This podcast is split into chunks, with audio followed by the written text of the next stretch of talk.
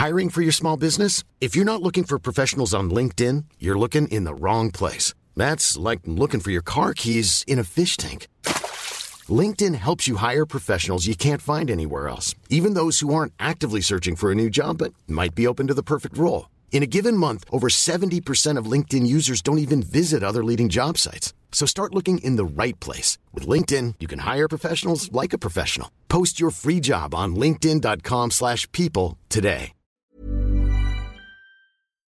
Okay, så i tirsdags, der skrev jeg den her øh, analyse af Mette Frederiksen, hvor vi kiggede på en lang række data øh, på hende, som vores meningsmålingsinstitut Opinion, de laver. Øh, og over de seneste par år, der er der sket det med Mette Frederiksen, og hun er blevet meget mere upopulær. Der er halvdelen af vælgerne næsten øh, har et negativt forhold, en negativ følelse, en negativ opfattelse af, af Mette Frederiksen. Og det, det skrev jeg så en, en analyse om, og så kiggede på sammenhæng mellem det, og at Socialdemokratiet er faldet i meningsmålingerne, og, mm. og alt sådan noget. Den klikkede rigtig godt ud på nettet, og fik faktisk også rigtig mange øh, reaktioner i, øh, i, i, du ved, på Twitter og på min mailbox. Hørte du fra Mette Frederiksen? Nej, ikke fra Mette Frederiksen selv. øh, men det var i hvert fald meget tydeligt, at det her, det var sådan et touchy-feely øh, subject. Der var nogen, der ja. syntes, at det var for meget, at vi skrev om det, ja. altså at det var, det var ondsindet og en del af en borgerlig, øh, hvad det hedder, kampagne imod ham, og så siger, nej, vi er jo et neutralt medie, og det er tal, der er der, det er ikke noget, vi finder på, vel?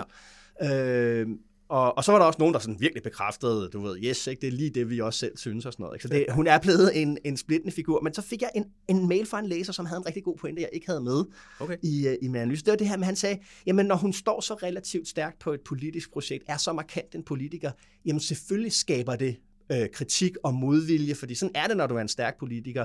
Og han sagde ligesom, du lægger ligesom op til i din analyse, at det skulle være dårligt nødvendigvis, ja. at, at, en, at en halvdel, en, en, en, lidt under halvdelen af befolkningen faktisk ikke altså er uenig med Mette Frederiksen, og ikke, kan, øh, ikke bryder sig om hende på en eller anden måde. Han sagde bare, og det, sagde, det var jo rigtigt. Mm. Altså, det er jo rigtigt. Demokrati er strid. Men prøv at høre, det der, det er jo en af mine, det er jo en af mine, det, det er jo min yndlingssandhed om politik. Det er den her med, at din største styrke er meget tæt forbundet med din største svaghed. Ja. Og pointen fra din læser der er jo, at det modsatte også gælder, at din svaghed kan også være din styrke. Altså, de ting hænger sammen, og det er jo... Øh, og politik er uenighed, ja, og det præcis. behøver ikke at være, at være, at være noget dårligt. Det, det var... Det, altså ja, og på den måde kan den der læser, altså det bad jo også bare tak, være... Tak til læseren. Ja, gør, ja. være virkelig, virkelig fed. Jakob, der er krig i Europa. Ja. Rusland har invaderet øh, Ukraine. Kiev er under 2.000 kilometer væk herfra, hvor vi, øh, hvor vi står i, i Indre København. Det er mindre, end der er til Rom, og mindre end til Athen, og meget mindre, end der er til, til Madrid. Rusland har atomvåben, og lidt afhængig af, hvordan det opgøres på penge, våben og kapabilitet på den ene eller på den anden måde, så er det den anden eller tredje mest potente her i, øh, i verden. Europa har derimod ikke sin egen her, og USA de vil ikke sætte støvler på ukrainsk jord. Og de første ukrainske flygtninge, de er allerede kommet til Centraleuropa. Jakob Karl von Clausewitz, den tyske general fra 1800-tallet, han sagde, at krig er fortsættelsen af politik med andre midler. Mm. Skal vi ikke bevæbne os med vores fattige intellekt og prøve at finde ud af, hvad Ruslands invasion betyder politisk? Jo, den tager vi lige.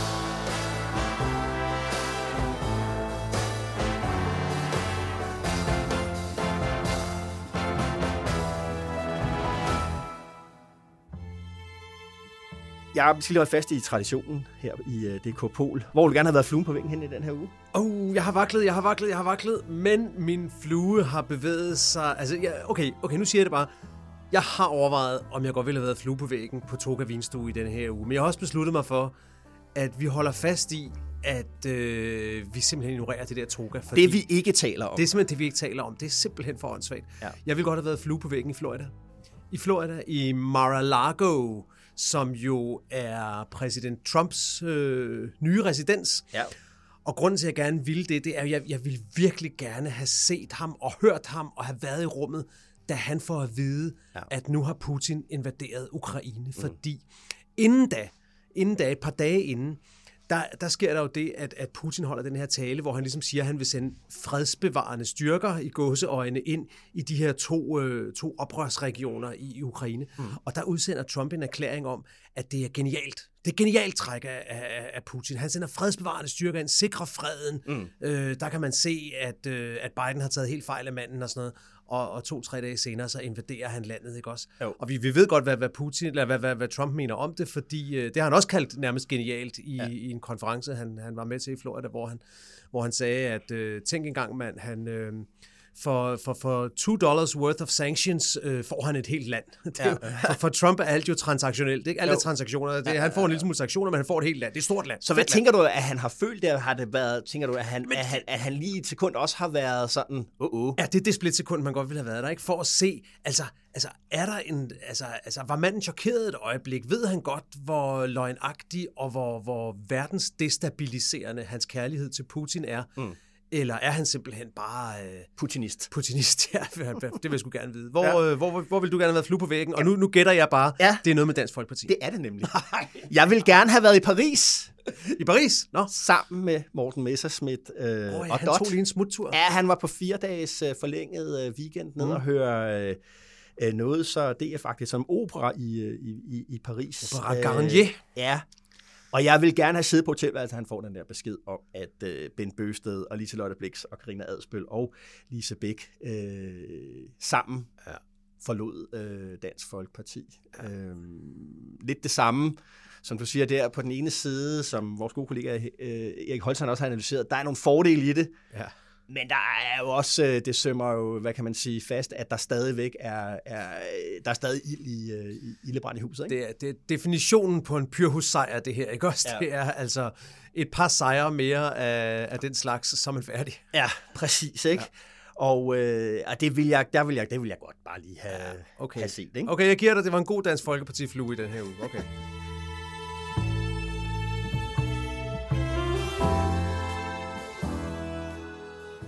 Okay, Jakob, i onsdags, der lød det sådan her. Ja, det er den russiske præsident Vladimir Putin, der erklærer krig og fortæller, at Rusland nu invaderer øh, Ukraine. Jeg havde den der fornemmelse af, at øh, du ved, jeg var overrasket, da det skete. Og så lige efter det, det så var jeg sådan lidt, hvorfor er jeg overhovedet overrasket over det? Mm, det er ja. jo bare det, der har været lagt op til. Ja i, øh, i månedsvis, i virkeligheden måske nærmest de sidste 10 år. Ikke? Jo. Øh, hvordan, øh, hvordan var din reaktion? Jamen, øh, øh, også overraskelse, og det var jo fordi, at jeg, øh, ligesom øh, måske dig og rigtig mange andre, øh, jo bare øh, tog fejl, fordi jeg troede, at det her var en fortsættelse af den Putin-strategi, vi har set mange andre steder, i Georgien og andre steder, hvor han ligesom går ind og skaber en ulmende, latent mm. konflikt, som ligger og, og, og hele tiden ulmer. Så, ja, en ulmende konflikt, ja. der ulmer sådan så, at, øh, at der aldrig bliver ro og fred til at skabe noget fremskridt og komme videre. Og alene det, at der var nogle russiske styrker lige inde i oprørsregionerne ude østpå, og de i forvejen også har taget Krimhaløen, Jo. er jo nok til, at Ukraine i hvert fald aldrig kan komme ind i NATO, fordi NATO øh, optager ikke lande, der har uløste grænsekonflikter, og, øh, og NATO vil sikkert heller ikke turde gøre det alligevel. Og, øh, og muligvis heller ikke kunne komme ind i EU lidt af, af samme grund. Så jeg troede egentlig, at det var det. Han havde allerede vundet. Ja, han havde allerede vundet. Ja. Men, men, men det her med, at det er en, en, det, man vil godt kan kalde en, en fuldtonet invasion, Ja. og hvor målet nu synes at være regimeskifte. Han vil Ja. simpelthen øh, har slå omringet Kiev. Ukraines præsident ihjel. Ja. Det, det var jeg dybt overrasket over, og det er, ja, det, det, det er chokerende. Det er en ny verden, som uh, Mette Frederiksen også sagde på, på, på pressemødet uh, i, i, i torsdags. Uh, ja, nu sagde det der med, med, med Clausewitz, det der med at krig er fortsættelse af, af, af, af politik med andre midler. Det er helt store spørgsmål her. Uh, for os at det er det politiske, men det er det der med, hvad er det egentlig, han vil, som du ja. også siger? Hvad er det, Putin vil? Og i lyset af invasionen, hvad kan vi så sige? Hvad mener du, man kan sige om, hvad er det egentlig, der er the endgame for, for Putin her? Det er jo lige præcis grunden til, at jeg ikke troede på den der invasion, fordi at Putin er jo rigtig mange ting, men sandsynligvis ikke ubegavet. Og, og, og ideen om, at Rusland i overvis skulle have en eller anden lang væbnet besættelse af Ukraine, øh, Ja. Et fjendtligt, øh, en fjendtlig befolkning på mange, mange millioner. Altså, jeg kan slet ikke se, mm. det bliver jo et nyt Afghanistan potentielt, og, og, og, og, og Ja. den eneste risiko, jeg ser rigtigt, der er for Putin lige nu, det er for mange døde russere, der kommer hjem i kister, og en modstand i befolkningen mod, at de skal ofre deres sønner og døtre Ja. på, på at slå deres gamle venner, sådan set fra Ukraine ihjel, ikke også? Ja. Så, så jeg har også svært ved at se det der endgame, men det virker jo som om, at hans endgame er, er, er noget med at få installeret et russiskvenligt regime mm-hmm. i Ukraine, som, øh, som så bliver utrolig svært at, øh, at vælte igen sikkert. Ja. Øh, og det vil jo simpelthen sige afskaffe demokratiet i Ukraine. Ja. Og det er måske det er måske min, egentlig, min eneste, øh, synes jeg, pointe om det her, som, øh, så, som, som jeg har tænkt, og, og, og som jeg kan læse i tusind aviser allerede, hvad, hvad, hvad alle andre har tænkt, det er det her med, at jeg tror egentlig, vi snakker meget om det der med, om Putin er bange for NATO, og om NATO er afskrækkende nok og alt det her. Mm. Jeg tror, at det eneste Putin rigtig er bange for, det er EU. Og det er sådan lidt mm. modsat, hvad vi ellers meget snakker om. Vi snakker om, at EU er jo magtesløs og kan ikke noget uden USA, og alt det, det er også rigtigt. Ja. Men jeg tror, at EU er det eneste, han er bange for, fordi at Ukraine bliver sgu aldrig medlem af NATO, undskyld, jeg siger det. Mm. Men de kunne godt i en hypotetisk fremtid, nogle årtier sikkert ude i fremtiden, måske blive medlem af EU. Ja. Og det er farligt for Putin, fordi et velfungerende, rigt, blomstrende demokrati lige på grænsen til Rusland, det er jo en direkte ja. udfordring af hans eget ikke-demokratiske regime. Ikke? Så jeg tror, han er bange for EU, mm-hmm. og det han i hvert fald sikrer sig nu med denne her aktion, det er jo igen, at Ukraines EU-håb er sat årtier tilbage. Ja. Ja. Det, hvad, hvad tænker du? Jamen, øh, altså det samme, men og så måske skaleret lidt op, altså at at øh, han ser en mulighed nu for at gøre øh, Rusland til en, øh, en, en regional hegemon, altså en hegemon i, i Europa, i stedet for at det er EU, der ligesom er dem, der kalder skuden og sætter dagsordenen og definerer ja. øh, øh, hvad kan man sige, politik øh, her, så, bliver det, så vil han have, at det skal være, der skal Rusland i hvert fald være med i spillet mm. om det, og, og ultimativt også være den hegemon, der er, fordi så vil vi have en, øh, en, en multipolær øh, verdensorden med USA og med Kina og med, med Rusland. Han vil genindsætte øh, Rusland ja. i, øh, i, i hvad han opfatter som deres øh, naturlige, ja. i kraft af, af, af mange russere, der er, hvor stort mm. landet er, dets militære øh, kapacitet, etc., øh, i, i, øh, i, i verdenspolitikken. Han udsendte jo Putin sammen med, med Xi, den kinesiske præsident Xi, udsendte jo en fælles erklæring der, da Putin som noget af den eneste tog over til, til vinter-OL i, i, i Beijing. Ja en erklæring, hvor de, øh, hvor de fordømte NATO, øh, men hvor de også øh, erklærede, at de ønskede sig en regelbaseret verdensorden forankret i FN. Ja. så bare tænker, hey, ja. what? Ja. Men, men det de bekræfter sådan set det, du siger. De, ja. de, de, de, de synes bare ikke nødvendigvis, at, at de selv de skal, skal spille efter de regler, men, men, ja. men ja, det, det virker som om, det er det. bliver det spændende, om, om, om EU også har tænkt sig at være en fjerde en fjerde, et fjerde ben det i den det. der. Og det, det, der, det, det, det, det er derfor, at Ukraine ikke bare handler om Ukraine, og ikke ja, bare handler ja. om, du ved, skal vi støtte demokrati, ikke støtte demokrati. Ja. Det er vores position i verden, mm. øh, er jo sat i spil her. Og derfor så synes jeg, der var en diskussion i går på, på Facebook, det der med, um, hvor militært skal man gå ind i det her. Men vi er nødt til at tænke over, hvornår det så er, vi vil møde den her militære trussel. Der er mange, der siger, at men, øh, russerne har atomvåben, og derfor så skal vi lige passe på med, hvad det er. Vi gør det også det, vi hører fra, fra enhedslisten, når, når, når de mm. har, har, har, mm. har problemer med, med at støtte en NATO, øh, hvad det hedder, op, oprustning. Ikke? Det er det der med, oh, kan vi få en, en, en, en atom, øh, øh, krig, en krig med en atommagt, ikke? Mm. Men det problem med at sige, at vi ikke vil krig med en atommagt, det er, at så er døren altså helt åben. Mm. Øh, Finland, Sverige er ligesom. Ukraine ikke med i, i NATO. Ja, de er med i EU. Øh, det er selvfølgelig en, en vigtig pointe. Men alligevel, altså på et eller andet tidspunkt, så skal vi jo ligesom sige... Altså, Diskussionen vi kan, vi kan... er jo i Sverige nu. Der er jo svenske politikere derude at sige nu, når vi i Sverige ikke griber ind og, og går ind og forsvarer Ukraine yes. militært. Yes. Hvorfor er det så egentlig, vi tror, at der er nogle andre, der vil komme og forsvare os, hvis Putin gør det samme mod os? Og det er jo et, et spændende spørgsmål. Hvad vil der egentlig ske, hvis Putin gik i land på en af de svenske, på en af de svenske øer i, ja. øh, i Østersøen? Ja. Øh, vil, vil, vi komme, vil vi komme? Altså, mit, mit bud er nok ja, fordi jeg tror, at selvom der ikke er en artikel 5 fælles forsvarsforpligtelse i, i EU, så, så tror jeg, der på en eller anden måde gælder en de facto øh, vilje til at forsvare EU-lande, men, øh, men who knows? Ja, ja, men og, og, og det jeg bare mener der, også med det der, det bliver vi jo nødt til at have tænkt over på, altså vi kan jo ikke ja. vente på, at Nej. den første øh, russer sætter, sætter øh, fod ind over grænsen Nej. til Finland, eller ind over grænsen til, til Sverige. Vi, vi, vi, vi er nødt til at tænke her, og, og vi er nødt til at tænke, og det er uvandt for os som europæere. Yes. Altså vores styrke er vores penge, vores forbrugere, vores ja. økonomi, vores regler omkring øh, handel. Det er det, der er vores styrke. Russernes styrke, det er deres militær. Og, øh, og, og, og så kommer vi jo til at tale om, hvad der er, der foregår i USA. Nu nævnte du selv det der med Donald Trump. Altså, at det er simpelthen det er holdt op med at være lige meget, hvem, hvem der er USA's øh, præsident, afhængig af vores reaktion. Tænk, hvis Trump havde siddet i det, i det hvide hus nu, ikke også? Det er jo, altså, Altså realiteten er jo, at, øh, at mens han var præsident, var han meget tæt på at trække sig ud af, af, af NATO. Ikke? Ja. Øh, man så slet ikke tænke tanken til ende, hvad, hvad, hvad, det kunne være, hvad, hvad der kunne være sket, hvis ikke man havde NATO, inklusiv den amerikanske erklærede vilje ja. til at stå bag de sikkerhedsgarantier, Og det handler jo meget om, at den præsident, der er også i den forstand, at altså, øh, og det har altså allerede en effekt, når Biden siger, og har hele vejen har sagt igennem, jeg kommer ikke til at sætte støvler på jorden i Ukraine, så er det fordi, der er en voldsom modvilje i den amerikanske vælgerbefolkning øh, mod at sætte støvler på jorden nogle steder ja, ja. Efter, ja. Øh, efter krigen i Afghanistan. ved, jeg, er bare ikke helt så, jeg er bare ikke helt så, så, hvad skal man sige, deprimeret eller så kynisk omkring det, som du er, fordi det er jo også det, det, er jo det sikkerhedsgarantien i NATO indebærer. Det er den vilje til at sætte støvler på jorden, Præcis. og derfor synes jeg heller ikke, man kan man kan gå ud fra, at den vilje skal omfatte alle mulige lande, der ikke er medlem. Der er også en grad af forudsigelighed at sige, det her det er det, vi gør.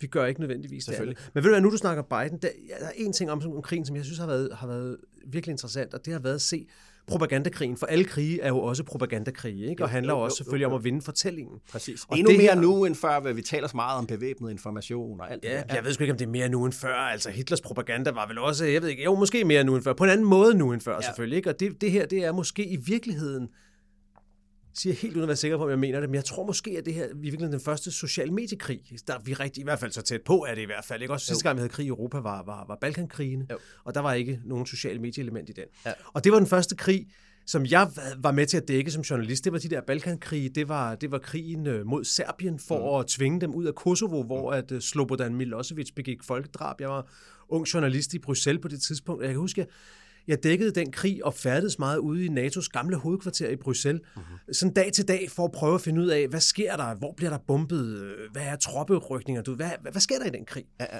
Og det var utrolig svært at, at få noget som helst information ud om, hvad der skete, og hvad de vestlige lande vidste og troede. Mm-hmm. Og, og måden, man løste på som ung journalist fra en dansk avis dengang, det var at sørge for at være rimelig gode venner med nogle af journalisterne fra de store engelske og amerikanske aviser, som måske fik noget fra englænderne og amerikanerne. Ja og så kunne man ligesom koble sig på dem. Og hvis man ikke var heldig at få det, så måtte man vente til næste dag til at se, når de havde skrevet det i avisen, så kunne man skrive det af, for der var heller ikke noget internet, så, ah, så, så, så det var, når papiravisen kom. Ikke? Jo.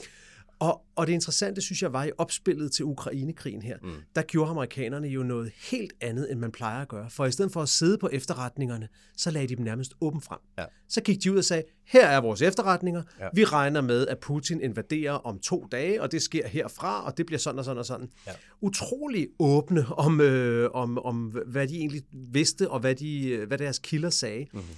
Og, øh, og det er jo selvfølgelig ret åbenlyst, at det, de forsøgte at gøre der, det var at vinde propagandakrigen over for Putin ved at call his bluff, så at sige. Jo.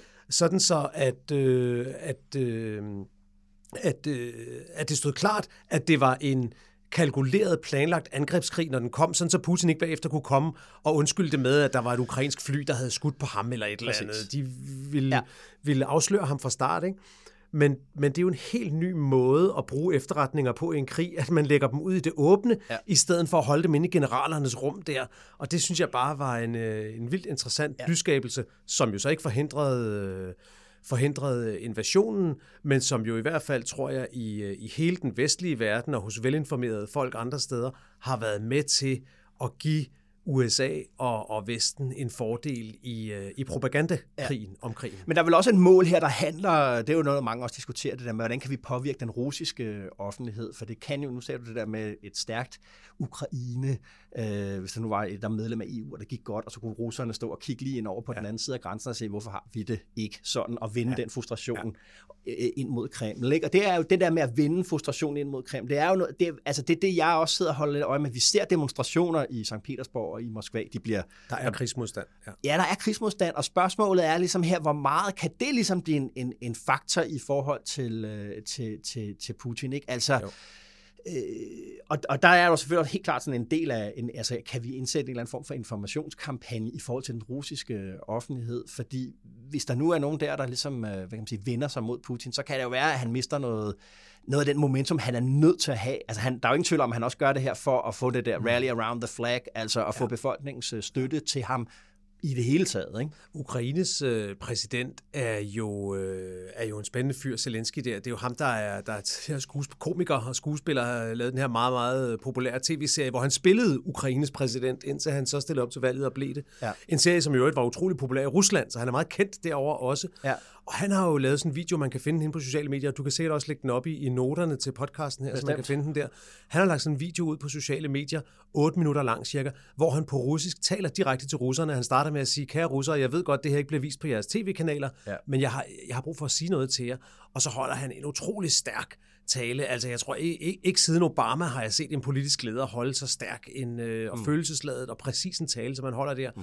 om Ukraine og Ruslands forhold, om øh, hvad det er for et øh, land, de er ved at angribe, om hans egen fars grav, som ligger ude i en af oprørsregionerne. Så det er meget, ja. meget stærkt. Han er jo russisk talende. Han er russisk talende, ja, selvfølgelig. Ikke? Ja. Og, øh, og det er...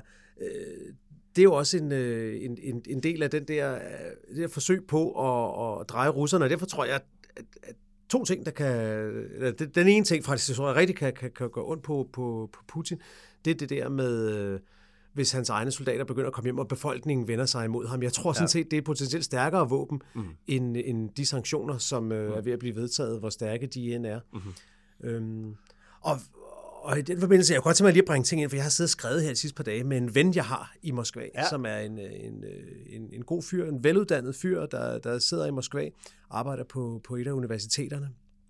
Øhm, og, øhm, og som bestemt ikke er putinist, men som er russer også selvfølgelig, derfor ser verden fra et russisk verdensbillede, og det har været super interessant at skrive mm. med ham mm. om, øh, om den her han? deprimerende krig. Og han siger for det første, at han er, at han er deprimeret og fortvivlet over det, der sker jo, øh, men, men, men han, han ryster også lidt på hovedet af nogle af vestens reaktioner, fordi han siger, nogle af de økonomiske sanktioner, og så kommer han med nogle lange redegørelser for, hvorfor den russiske økonomi sådan set nok godt kan klare sig igennem dem. Vi har ikke gået i detaljer med her, men, men, men det, det er egentlig ret overbevisende, ja. når, han, når han lægger det frem.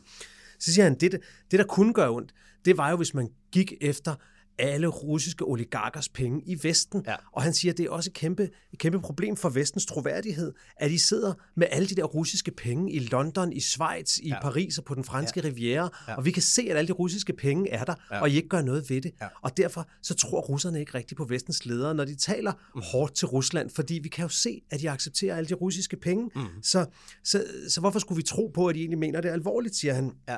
Så siger han, øh, når jeg accepterer den slags adfærd fra oligarkerne, så ligner det hele, at det bare er et spil, I spiller. Ja. Og det er jo noget, som, øh, som mange russere øh, tror, at, øh, at, at det hele er bare et spil. Verden er besat, øh, er, er regeret af en klub af oligarker, ja. Der er vestens oligarker, og der er Ruslands oligarker, mm-hmm. og lige nu er det så vores oligarker mod jeres oligarker. Og hvis man ja. har det verdensbillede, ja. så kan man godt se, hvordan at det hele måske ser lidt anderledes ud. At man er mindre forarvet måske over over krigen, fordi man kan få sådan en, de er jo alle sammen lige gode om det tilgang til Ja, præcis. Det er også en, det er jo en pointe, som, øh, som øh, den der britisk-russiske forfatter, Peter Pomerantsev, understreger, specielt i sin første bog, den hedder...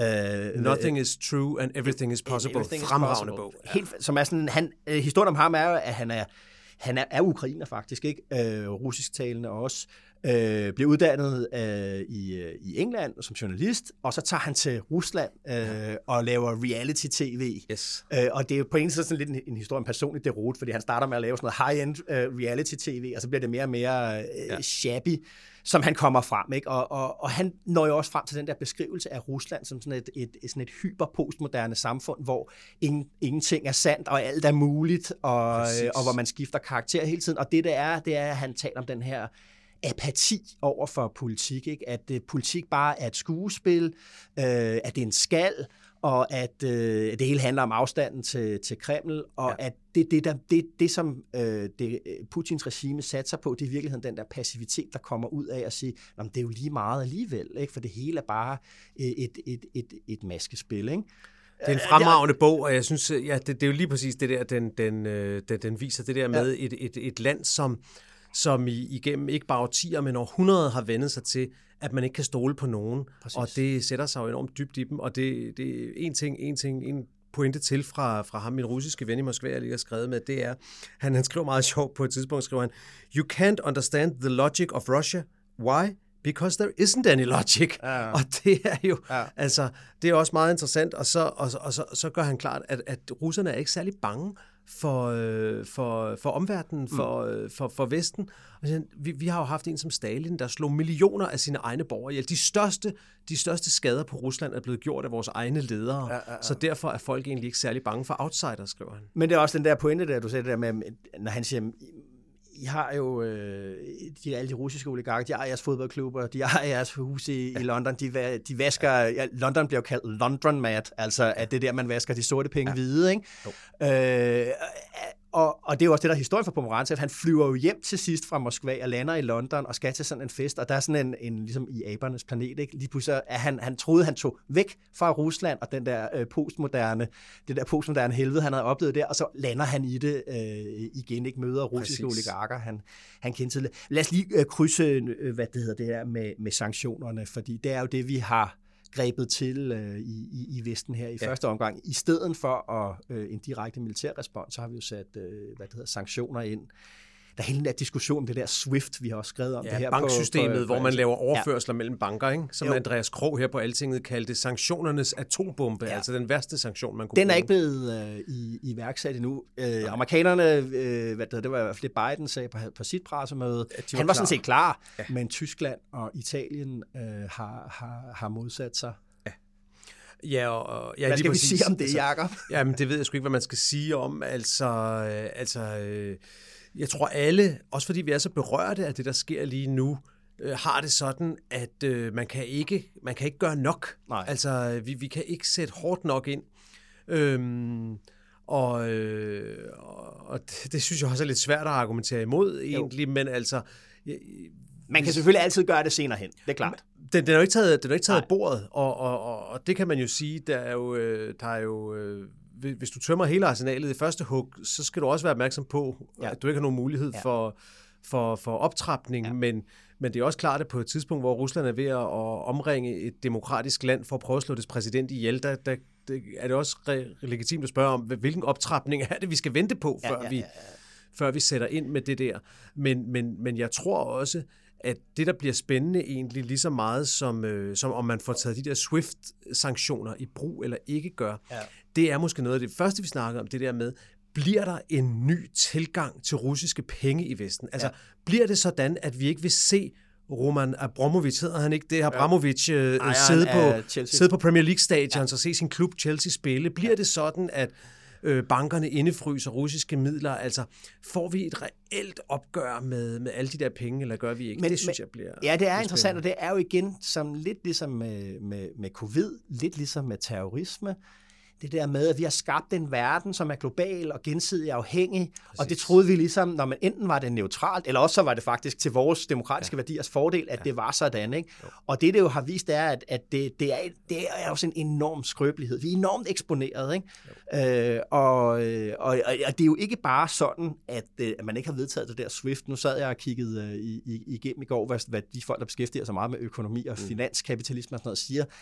Det er faktisk også sådan, at penge tjent, altså finansiering omkring energihandel, mm-hmm. også er undtaget af de sanktioner, der er nu. Og det er jo det, russerne har på europæerne, der de står for 40 procent af alt naturgassalg til, øh, har, til, til, øh, til Europa. Ikke? Der har Claus Krav og Simon Fris, vores to kolleger nede på mandag morgen, en, øh, en rigtig god analyse i ja. dag i, i mandag morgen, hvor de også beskriver energi som en del af den måske kolde krig, der er ved at gå i gang, og hvordan vindmøller faktisk kan blive et lidt, lidt overraskende. Vindmøller pludselig bliver et strategisk supervåben. Grøn energi fordi er, for hver eneste vindmølle, du rejser, der mindsker du din afhængighed af, af, af Putins energi. Så, så øh, de har dels den pointe, og så dels det med, at, at Tyskland selvfølgelig står, lige så vel som London og, og, og Paris og Schweiz måske står over ja. for nogle store, store beslutninger i forhold til, hvad de vil gøre med oligarkerne, ja. så står tyskerne med et stort, dybt opgør med deres såkaldte ostpolitik, som ja. de er nødt til at revurdere. Altså den her tanke om, at man skal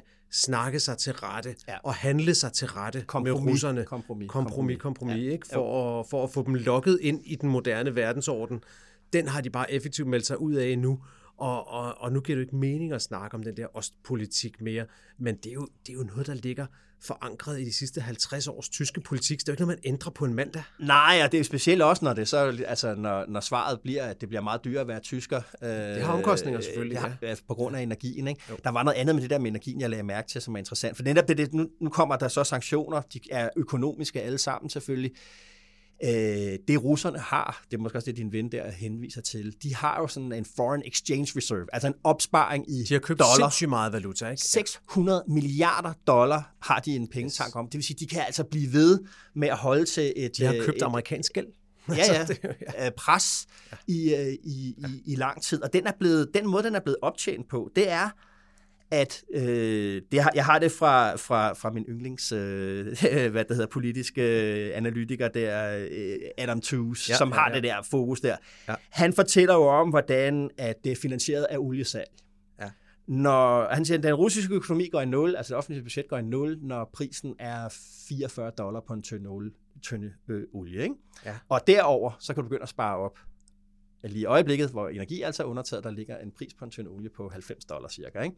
Så altså, pengetanken øh, bliver stadigvæk, øh, altså, det, den, altså oliesalget finansierer lige i øjeblikket ja. øh, den, den, øh, den russiske invasion. Så vi er jo inde i det der spor der med, energi ja. er ikke bare grønne ambitioner, det er ikke ja. bare klimapolitik, det er hardcore geopolitik. Ja, præcis, og den russiske den russiske valuta er faldet, men det er også et, et stort land, der, der et stykke hen ad vejen øh, er, er, er selvforsynende, og, øh, og hvad hedder det, deres, øh, deres, øh, deres børs er jo gået i, i, i, ja, ja. i krak, men altså det russiske banksystem er stabilt, og de har den der fremmede valuta, så det er ikke, de er ikke ved at knække i morgen. Det kan godt være, det bliver hårdt for den enkelte russer, men det er jo desværre ja, så ikke noget nyt de for altså dem. også mange andre råvarer, det gør Ukraine også, hvide, at Ukraine øh, sælger meget hvide til alle andre end russerne gør også. De har også tungmetaller, øh, altså du ved, titanium ja. og så videre, det er ikke noget med tungmetal, men altså øh, edelmetaller hedder det, ikke?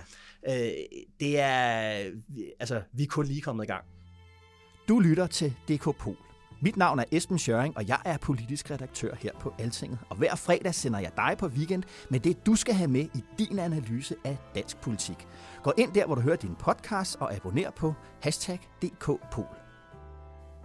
Vi følger selvfølgelig uh, Ruslands invasion af Ukraine og alt det, der sker her på altinget.dk. Vi skal også uh, minde om, at vores fremragende kollegaer nede i Bruxelles, Thomas Lauritsen og Rikke Albrechtsen, de uh, ja. bruger en hel uh, podcast uh, her på at tale om, hvordan det ser ud og hvad der foregår i, uh, i, i, i Bruxelles.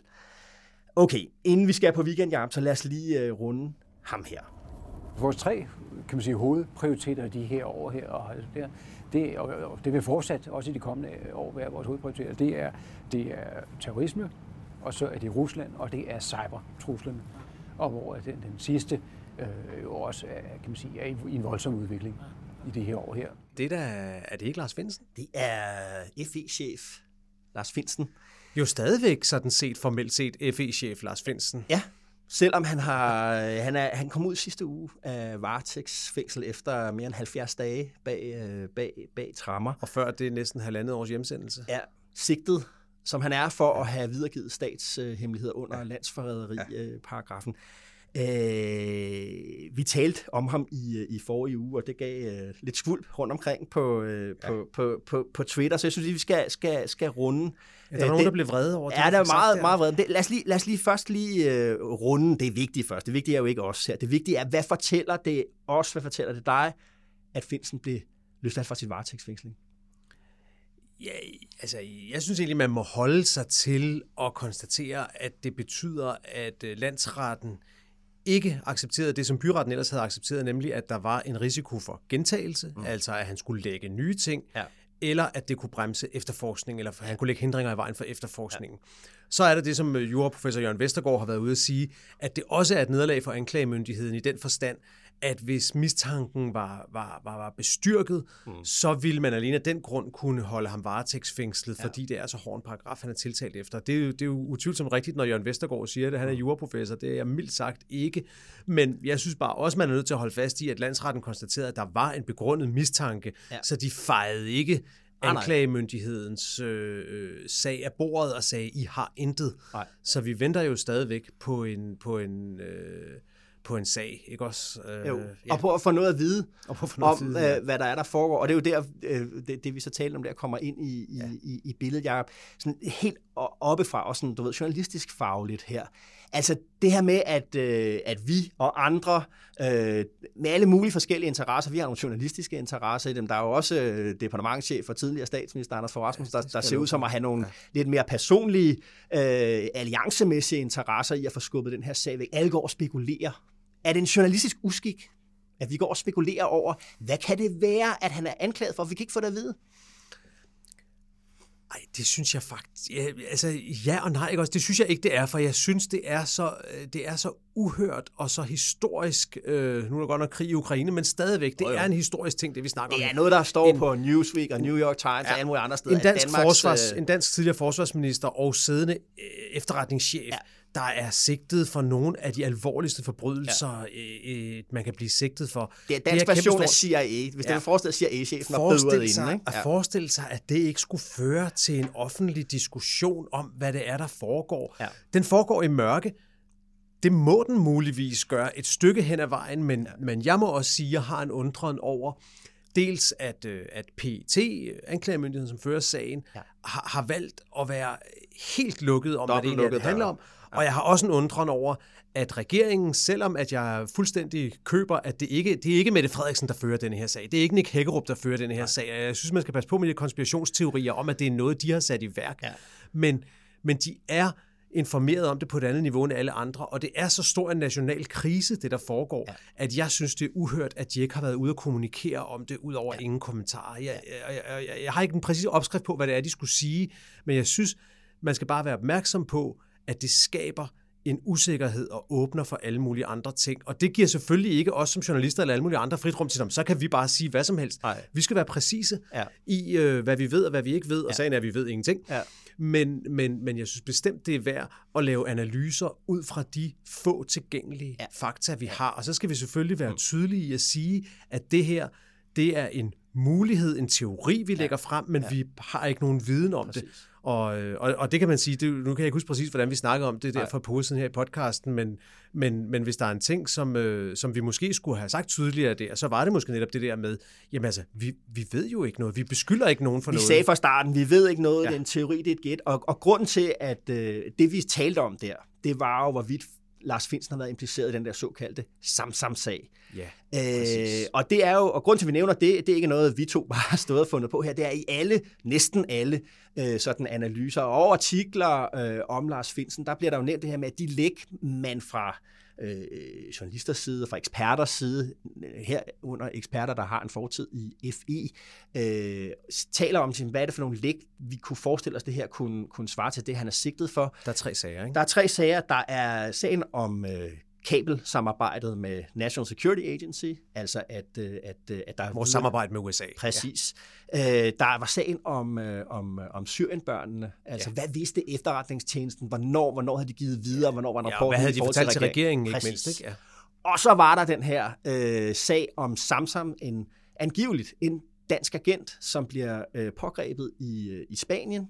Efter at han har været inde i Syrien for de danske efterretningstjenester nogle gange. Ja, Angiveligt, angiveligt. Sådan som, at, ja. som, som, som, som det blev fortalt til øh, Berlingske Tiden, der kom man, der havde nogle, nogle, nogle meget spændende, øh, meget gode, også meget vidtrækkende øh, artikler om, øh, hvordan efterretningstjenesterne altså opererer i, øh, i ja. islamistiske celler, i islamistiske miljøer i, øh, i Mellemøsten. Og det, der var særligt ved, ved, ved Sam-Sam-historien, som jeg synes var en god pointe, efter du havde læst dem igen, det er jo det her med, at hvor at for eksempel NSA-kablerne er noget, som til en vis grad havde været beskrevet også i nogle Snowden-læg og nogle forskellige andre steder ude på, på ja. internettet, så var det her en meget meget direkte, meget konkret lækage med meget konkrete operationelle detaljer fra, hvordan efterretningstjenesterne arbejder.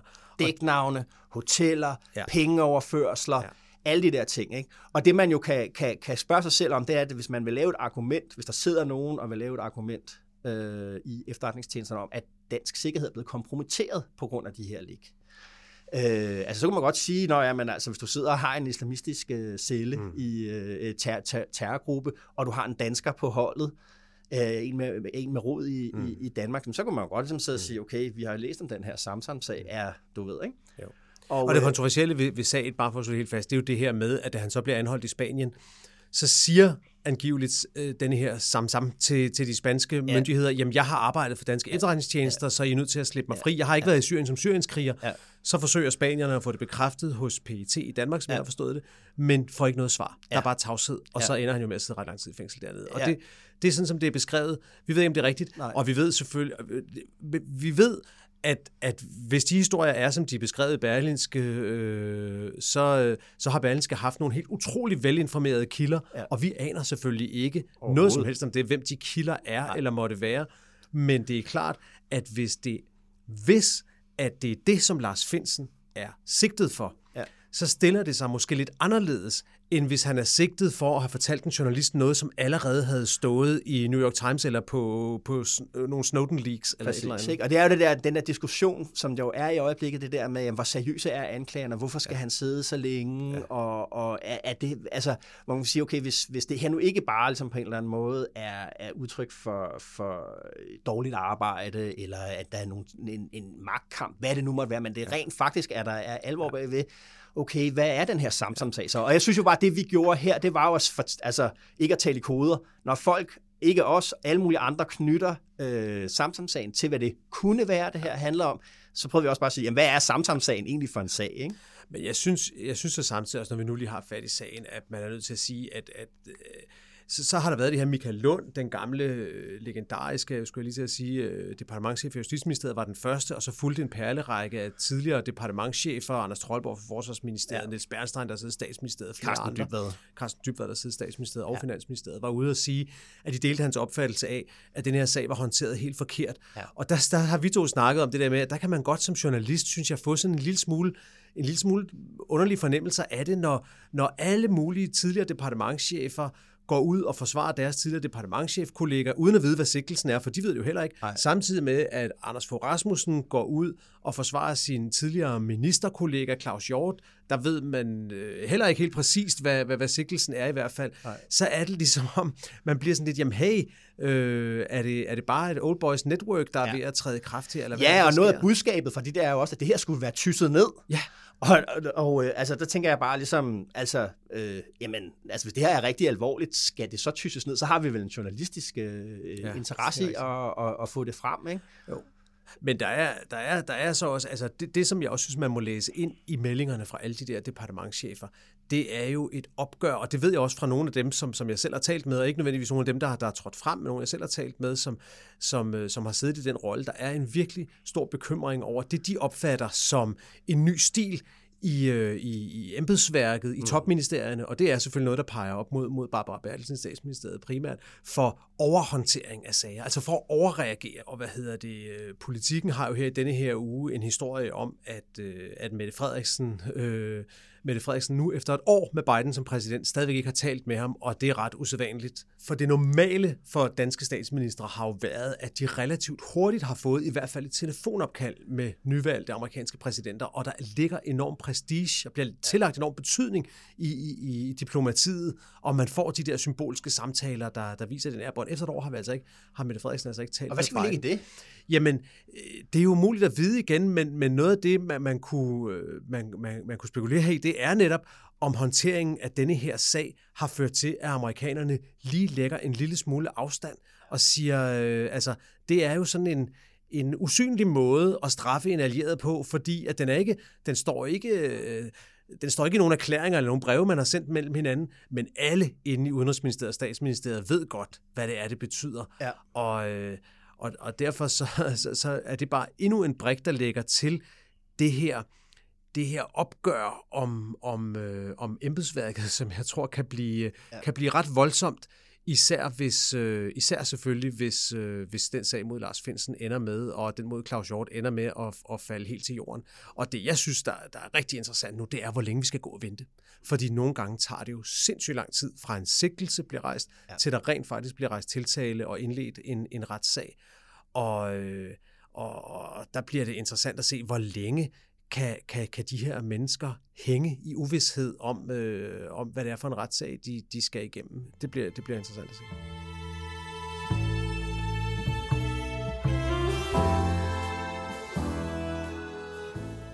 Ja, vi er ved at være ved vejs ende. Anbefalinger til, til weekendlæsningen derude? Jamen altså, jeg, jeg havde faktisk tænkt at anbefale en bog. Øh, vi, vi er jo kommet til at tale lidt om den. Du har nævnt den. Det er denne her Peter Pomerantsev. Øh, Du lægger, du lægger det i, i noterne igen, så man kan finde det. Med den her bog, der hedder Nothing is True and Everything is Possible som, øh, jamen det er, det at være nogle år siden, jeg, jeg læste den, men den var virkelig en eye-opener i forhold til det her, hele det her, øh, jeg vil ikke sige fake news, men hele det her Potemkin-kulisse, som russisk politik er. Og det synes jeg også, man, altså nogle af de der ting, vi har set med Putin i denne her uge, ikke? Jo. man sidder og kigger på det. Altså har du set det der klip, hvor at han sidder og, og afhører for åbent kamera sin egen efterretningschef? River ham helt rundt. driver ham rundt, og det er jo... Ydmyger ham. Ydmyger ham, ikke også? Og sidder og griner. Det er jo, man sidder, man, man sidder med, med dyb forundren, hvor, dyb undren og kigger ja. på, om det der, det, det kan være virkeligt, eller det, det er virkelig politik forvandlet til et absurd teater. Ja. Og øhm, jeg synes, øh, den, den her bog er virkelig værd at læse, og det eneste, der gjorde mig så glad, da jeg sad og så det der klip, det var bare, at jeg tænkte, hvor er det dejligt, at vi har en død, kedelig præsident som Joe Biden siddende i USA, fordi ellers havde vi jo haft tilsvarende absurde teaterpressemøder ja. i USA også. Ja. Og, øh, og måske, øh, måske, det kan vi jo ikke vide. Og det er jo også. Pomerantsevs øh, advarsel, Det kan det. man sige. Det er jo ligesom, at øh, det der, han kommer hjem til russiske tilstande, selvom han troede, at, at, at, han, at han skulle væk fra det. Ikke? Ja.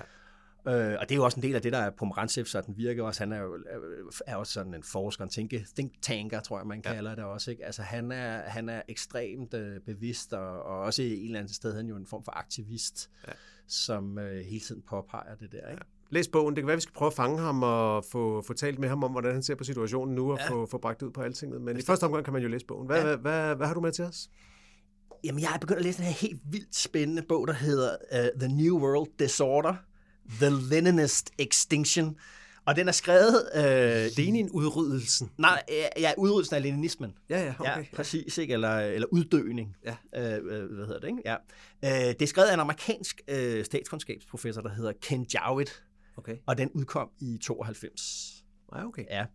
Og øh, det vil sige, det er den samme periode, som øh, Fukuyamas bog The End of History øh, kom. Og det, der er sjovt ved det, er, at Jowett, han var sovjetforsker. Altså han for, forskede ligesom i, hvordan så Sovjet ud sådan uh, inde, indefra, øh, og som partiorganisation, som statsorganisation. Øh, øh, og det, der er det sjove ved det, det er, at han sidder og forsker i noget, der forsvinder, ja. samtidig med, at han sidder og skriver om det. Ikke? Øh, og han, øh, det er nogle essays, det er en samling af essays, der går fra 74 til 90, og, og Sovjetunionen brød sammen i, i 91. Ikke? Øh, men han er meget kritisk øh, over for Fukuyamas øh, mm-hmm. og øh, hele den der øh, neokonservative forestilling om, at Vesten havde sejret, eller mm-hmm. liberalismen havde sejret, og nu gik vi ligesom ind i en periode, hvor modernisering betød, at flere og flere lande ville, ville blive som os. Det han ja. forudså, det var, at når Sovjetunionen brød sammen, så ville, så ville vi være i en, i en langt mere kaotisk geopolitisk okay. situation. Og jeg synes, med det vi ser nu, jeg tænker nemlig meget til på, prøv at tænke på, hvor mange gange egentlig hvad kan vi sige, The End of History er blevet sådan er modbevist af virkeligheden. Ja. Vi har bare hele tiden sagt, at det var bare lige en eller anden form for afvielse, eller en bøvs fra fortiden, ikke? altså krigen i Jugoslavien. Jamen, det var også noget gammel kold krig, der ikke lige helt var blevet, ja. blevet løst. Ikke? Og Irak-krig, og terrorisme, og finanskrise, og flygtningekrise. Der har, virkeligheden har banket på mange gange, og det er jo også det, den gør nu over ja. i Og det man kan sige, for jeg synes jo tit, End of History bliver misforstået, men, men det man må sige om End of, End of History, uanset hvordan Fukuyama også vender ja. og drejer det i dag, så var det jo øh, ideen om, at demokratierne som koncept Præcis. var den sejrende model. Ja. Og, øh, og, øh, og, og flere og flere ville blive demokrater. Flere og flere ville blive demokrater. Og ja. der må man bare sige, det viser, der er også lige kommet en ny rapport, den her årlige om, ja. indeks over, over demokratiets tilstand, som viser, at igen i år, i forhold til sidste år, ja. Er der blevet færre demokratier i verden. Ja. Det er nu kun, jeg tror, nu kun to ud af 10 mennesker i verden, der lever i et etableret, velfungerende demokrati, hvor det for, for 15 år siden var, var omkring 4 ud af 10 mennesker, der, ja. der gjorde det. Så det går simpelthen tilbage for, ja. for demokratierne. Og det er den der, jeg, jeg, jeg vil bare, jeg tror også, jeg kommer til at skrive om det, at Joet lever endnu, han er 82 år gammel. Jeg, jeg vil godt høre, ligesom, en af de der ting, der er helt vilde i den der bog, ikke? det er, at det han fortæller om, en analyse han laver der i det er lige under Khrushchev, det er, at han siger, at i takt med, at det sovjetiske system øh, forstener i mm. korruption mm. og, øh, du ved, inerti, Så siger han, det der vil, det, der vil, blive, der vil springe frem som en, en ny magthaver, eller den, der vil ligesom holde styr på, mm. på, på, på samfundet, KGB, og hvad Putin.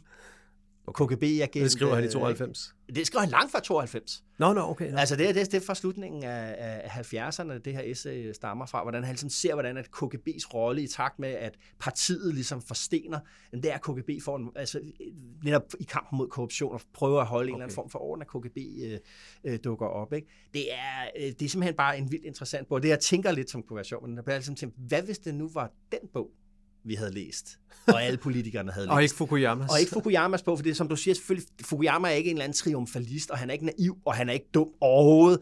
Øh, men den måde, man tog den her tænkning omkring End of History til sig, Anders Fogh Rasmussen, øh, Blair, Bush, alle mulige tog den her tankegang til sig, også på, øh, på embedsmandsniveau. Ja, det, det, var, det var en tankegang, der var medvirkende til, at de havde modet overmodet, vil nogen sige, til ja. at gå ind i Irak, ja, fordi nu bestemt. kom vi med demokrati Præcis. i en flight case ja. øh, og bakket op af en masse tanks, så skulle ja. de nok få det. Ja, Ja. Og det, det, det, det, det kunne være sjovt at ringe til Jao og høre, hey. Men prøv at høre, hvis du ringer til ham, så, øh, så, får du så, så finder jeg på Maranchef, og så, så har vi hjemmearbejde begge to.